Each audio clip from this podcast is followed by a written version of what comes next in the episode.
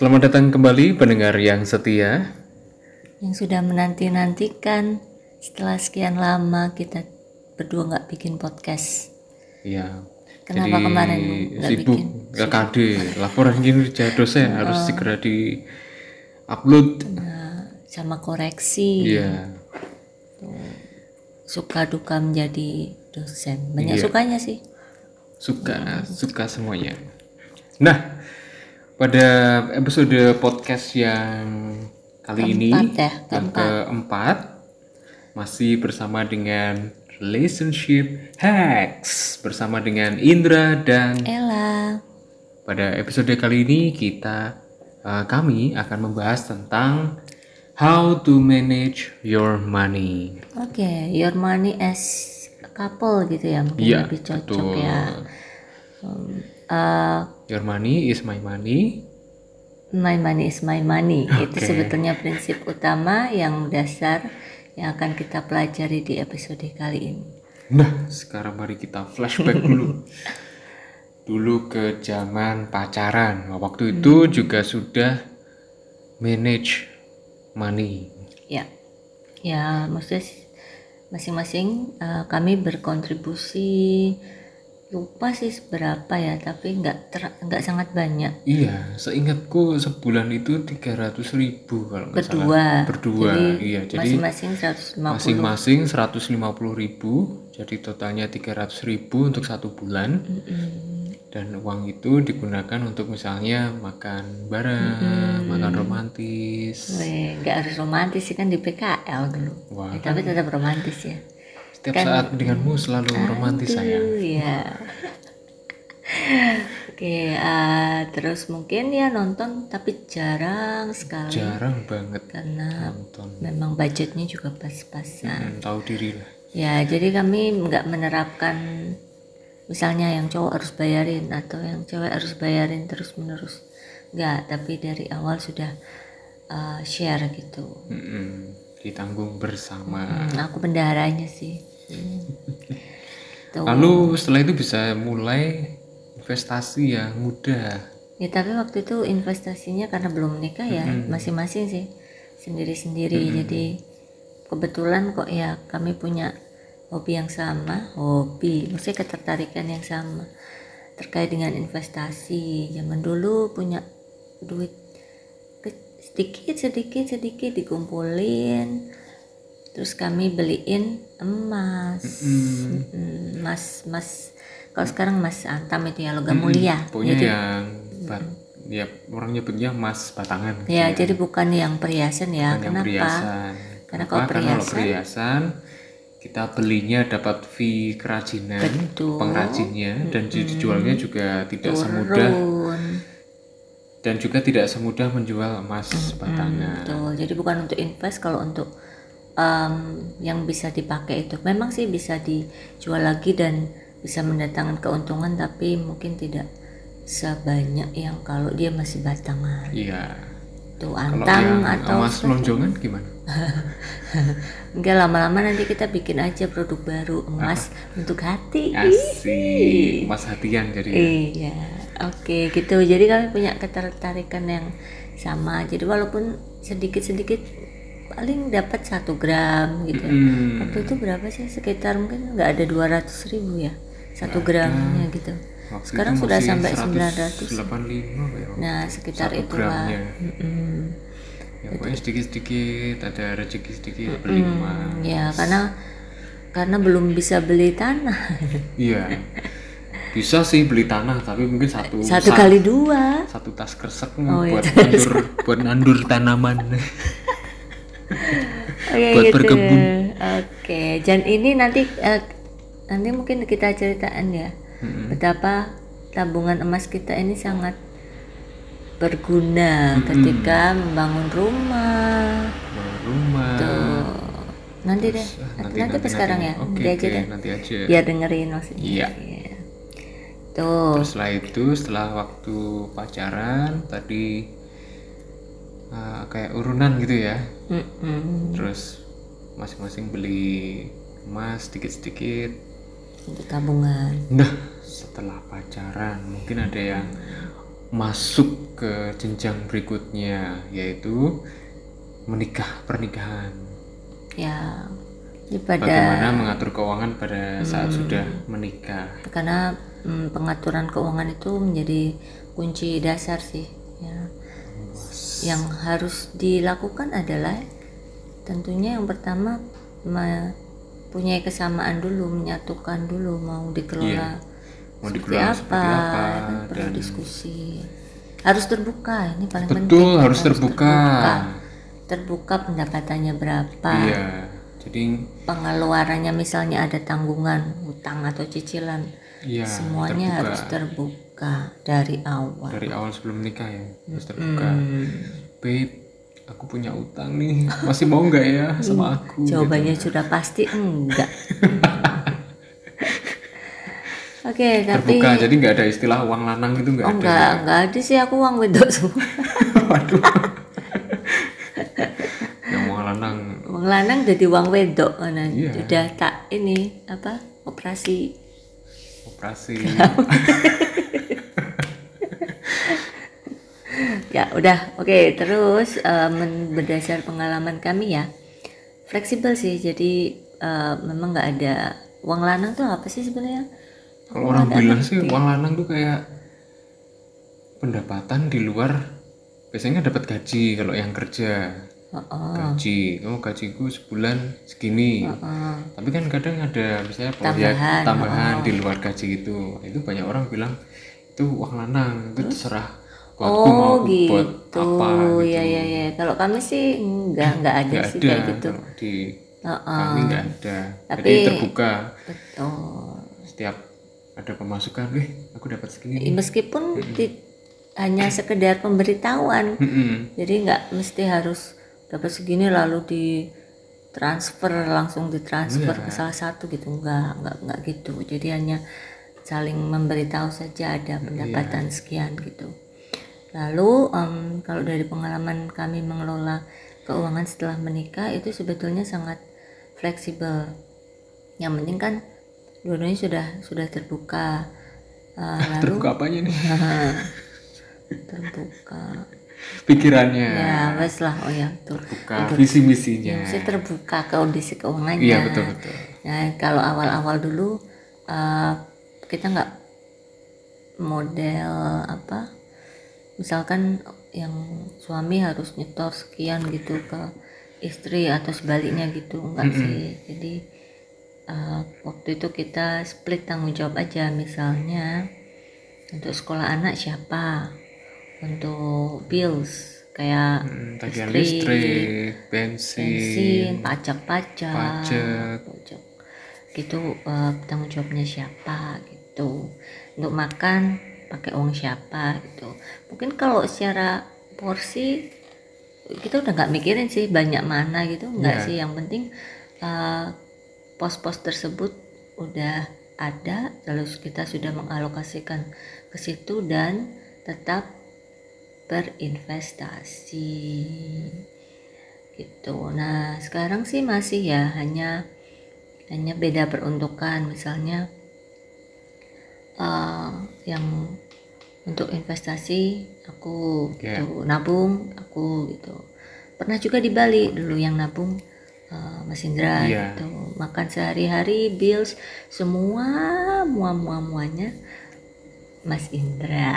Iya kamu merasa merasa terzolimi nggak enggak sih enggak kan ya sudah tahu kewajiban masing-masing Iya, yang penting konsisten dan komitmen dengan kewajiban itu. Tapi kan namanya rezeki kita nggak tahu ya. Kadang Iya. ada salah satu lebih besar dan sama sekali nggak nggak ada masalah sih. Nggak harus suami yang lebih besar gitu atau istri yang lebih besar penghasilannya. Iya, terima kasih sudah diluruskan. Ini pikiranku udah ke mana-mana kalau soal Aduh, besar yang penting kan tanggung jawabnya ya nggak? Iya, betul. Ya, tanggung jawab ke- komitmen dan kemauan berdua itu untuk mengelola keuangan rumah tangga dengan baik gitu ya. Mungkin untuk invest ada yang tanya, oh ya, oh ya, la- kelanjutan yang invest emas tadi ya. Iya, ah.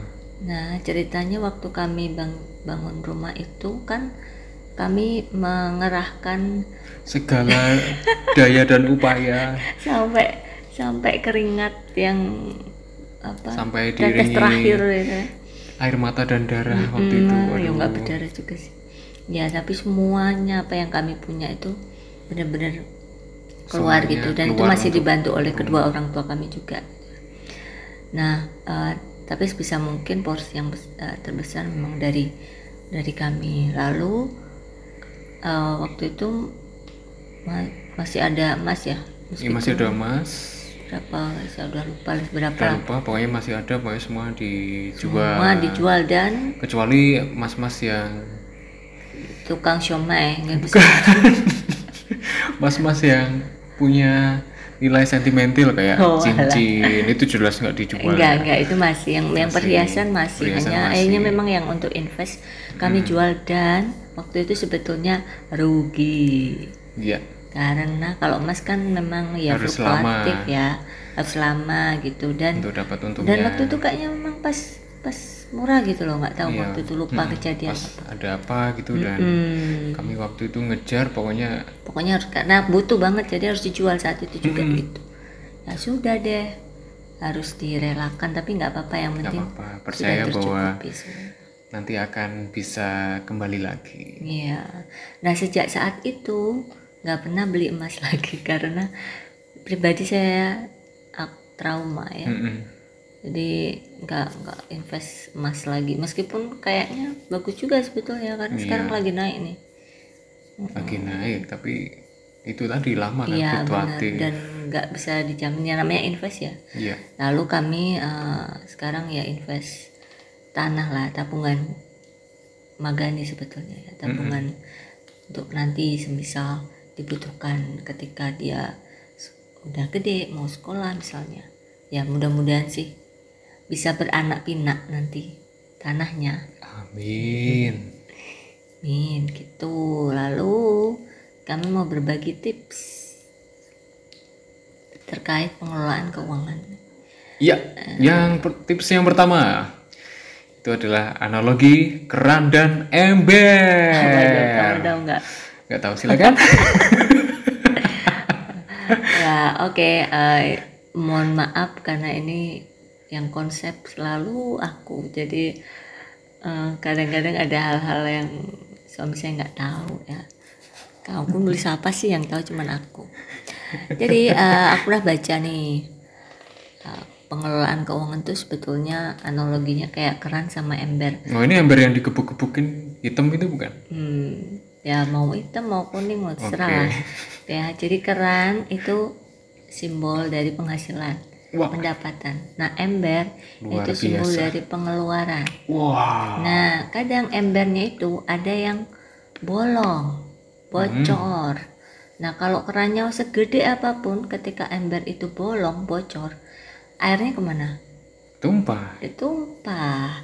Akhirnya tidak terisi Iya. di embernya itu. Mm-mm. Nah, eh, begitu juga dengan mungkin ember yang besar, tapi kerannya kecil juga nggak terisi, tapi nggak tumpah paling nggak ya. Iya. Walaupun agak lama, tapi dia akan terisi. Nah kalau kerannya besar, embernya kecil, tapi nggak bocor, Orang kaya, Orang kaya, oh, sultan. Pinter berarti karena apa?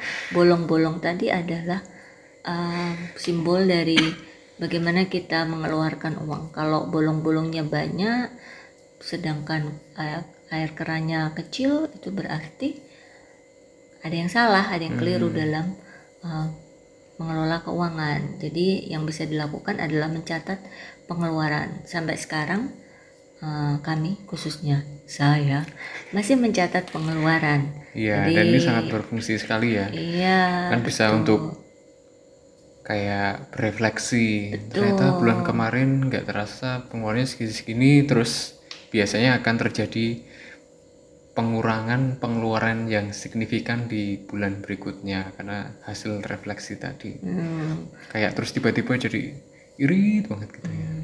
ya. penting sih. Terus mencatat pengeluaran juga perlu karena eh, kita bisa lihat selain nominalnya, kita bisa lihat juga pengeluaran itu untuk apa. Iya. Kalau yang kau pakai nih aplikasi namanya Money Manager. jadi ada kategorinya banyak banget aku bisa me, eh, apa melabeli pengeluaran itu berdasar kategorinya. Misalnya food terus uh, clothing house dan sebagainya bills dan sebagainya ya. Jadi kita bisa tahu oh ternyata kok food kita bulan ini banyak banget gitu. Ah, berarti ada ada yang keliru gitu ada yang harus dievaluasi dan diperbaiki. Atau mungkin clothing ya kayak untuk clothes belanja baju-baju banyak banget gitu. Berarti hmm, bulan depannya harus diperbaiki kayak gitu sih. Nah lalu ini juga pernah kami terapkan uh, yaitu membuat pos-pos pengeluaran terutama pengeluaran yang yang pasti yang udah pasti ya. Jadi kalau kita sebetulnya mencatat pengeluaran kita akan end up having um, apa kayaknya kayak uh, amount of money yang yang hampir sama gitu loh tiap bulannya sih. Kalau bener ya maksudnya pengeluaran kita tuh udah udah bisa Udah fix, terprediksi udah gitu loh. gitu ya. setelah beberapa bulan kita mengamati oh kurang lebih sebulan seperti ini. Dan pos-posnya juga udah jelas. Jadi uh, dulu juga pernah kami terapkan begitu men, betul ada gaji itu ya langsung diposin. Misalnya untuk paguyuban uh, kami tinggal di perumahan jadi ada iuran paguyuban. Berapa? Karena itu udah pasti SPP listrik. Makan di listrik. Bensin. Bensin mau gitulah. Pokoknya yang yang udah fix itu langsung dimasukkan ke pos-pos. Nah sisanya gitu baru boleh dikelola untuk yang lain gitu. Kan kalau kayak lifestyle makan itu kan yang lebih bisa fleksibel ya nggak sih? Ya ya jadi itu yang disisin untuk itu gitu. Nah lalu karena kita udah tahu nih pengeluaran em, besarannya sekitar berapa gitu jadi biasanya kalau kebanyakan orang mungkin akan menabung setelah eh, mereka meng, setelah mereka spend Iya spend money baru baru nabung sisanya gitu ya. Tapi kalau eh, yang kami coba lakukan sebaiknya memang dibalik sih. Jadi kan ketahuan nih pengeluaran kita berapa dibanding dengan pemasukan. Nah berarti kita lang- begitu dapat penghasilan langsung dipotong aja. Kira-kira kita nabungnya segini nih sebulan ini langsung dipotong. Lalu sisanya baru dikelola untuk pengeluaran-pengeluaran jadi yang untuk nabung tadi usahakan selalu ada itu jadi nggak nunggu sisa ya ya kalau ya nggak semua orang se- seberuntung kita juga sih Iya. ya kadang ada yang memang sangat pas atau mungkin enggak enggak apa ya nggak cukup atau gimana gitu ya agak susah tapi pasti bisa seberapapun tabungannya ya nggak harus banyak Ya. Lalu tips berikutnya, punya lebih dari satu rekening. Hmm, kita udah kayak online shop. Ya. Hmm. Kita tuh Jadi- bank ada berapa sih? Bang, ada Mandiri. Sidut, ada Mantut, Ada Mantut, ada, Ada CIM. Tut, ada BN Tut, ada BC Tut, ada BN Tut, ada BP Tut, like six, iya. six Dan um, masing-masing different rekening banks. untuk peruntukan sendiri-sendiri. and each of the accounts punya account yang lain. Jadi beranak pinak. Iya, jadi satu, Mantut ada punya ah, tiga rekening. Ya kayak gitu misalnya. karena rekening masing-masing rekening itu punya peruntukan sendiri. Misalnya contoh Contoh misalnya kita tadi kan sudah tahu pengeluarannya berapa, ya udah itu masuk ke rekening pengeluaran. mm, Untuk bills. mm, Udah kamu set misalnya jumlahnya sekian, entah bagaimana pokoknya kamu hidup dengan uang Ya, segitu. dengan gitu. uang segitu, nggak bisa ngambil mungkin. dari rekening yang lain. Lalu ada rekening tabungan, Kecuali darurat. iya kecuali darurat. Lalu ada rekening tabungan Ya tabungan khusus yang nggak boleh diutak-utak. yang nggak boleh darurat. tabungan. Terus kalau kamu apa masih khawatir lagi, aduh rekening tabungan takut keudak-udak ya udah dari tabungan tadi misalnya udah terkumpul sejumlah Sekian lah. sekian langsung di deposito. Ya Itu bisa lebih aman lagi untuk diudak-udaknya lebih lebih lebih gimana ya? nggak bisa karena karena deposito ada segitu. ada termnya. Ya, Ya, bisa sih diudak-udak sebulan. tapi kan ada sense-nya lebih aman gitu ya. Iya, nggak nggak bisa juga sebulan. Bisa ya. kalau mau pencairan lebih awal kan dapat penalti ya itu maksudnya bisa tapi kan kita mau Oh, cari iya. aduh kenapa penalti nih gitulah lalu untuk misalkan untuk sekolah anak ini kalau udah menikah kan pasti harus pikiran ke sana lalu untuk hari tua misalnya meskipun mungkin dari kantor sudah ya tapi kan kita nggak pernah tahu apalagi dengan ada pengalaman-pengalaman krisis-krisis. Betul. Selalu ada dana darurat yang disiapkan dan investasi untuk masa depan. Nah gitu. Oke terus eh, ini juga berkaitan dengan yang selanjutnya melek investasi dan em, produk-produk perbankan. Karena sekarang banyak sekali produk perbankan ada tabungan hari tua ada eh, apa tuh namanya tabungan rencana dan sebagainya. Jadi hmm, teman-teman bisa mencari info mana yang cocok dengan kebutuhan finansial masing-masing. Investasi juga ada yang risikonya rendah ada yang tinggi. Kalau kami sih ya tadi ya main aman. Jadi eh, sekarang sih kita ke kayak properti gitu properti kecil-kecilan. Itu pun nyicil. Nggak apa-apa. Nyicil tuh nggak apa-apa kalau beli tanah ya. Properti rumah kelinci. Itu jadi eh, belajar investasi. Lalu ini yang paling penting nggak sih? Kuncinya adalah gaya hidup menyesuaikan pendapatan Allah. Betul bukan yang gaya hidup nomor satu pendapatan nomor dua nggak gitu. Kalau gitu embernya bocor semua. Hmm, nggak ada yang tersisa airnya embernya nggak ember. ada dasarnya bolong. Hmm, Hmm, gitu deh.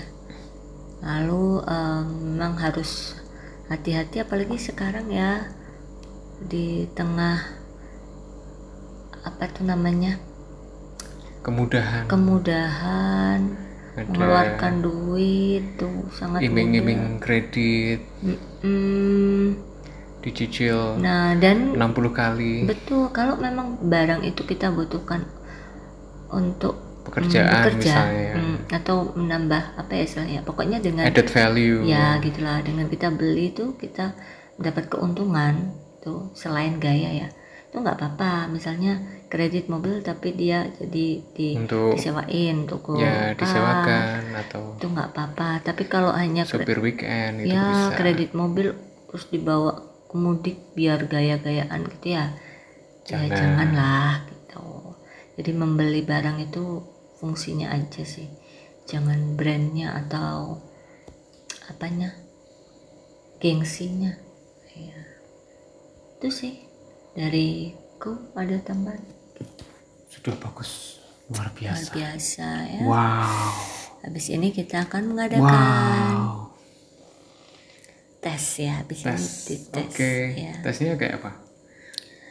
Eh, berefleksi. Oh, Hmm, dalam bentuk essay tolong ditulis di jurnal apa yang sudah dipelajari hari ini. Dan menurut teman-teman bagaimana lalu jurnal skopas nggak nih mm-mm, skopas terindeks skopas harus Q minus 5 Oke, semoga berguna. semoga berguna tips-tips yang kami berikan di episode ini Betul.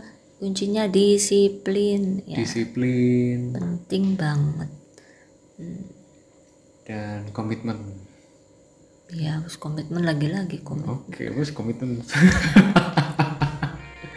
Baik, terima kasih banyak sudah mendengarkan episode Relationship Hacks kali ini episode keempat. Semoga kalian semua selalu sehat dan bahagia. Ya, dan rezekinya lancar. Bye. Bye.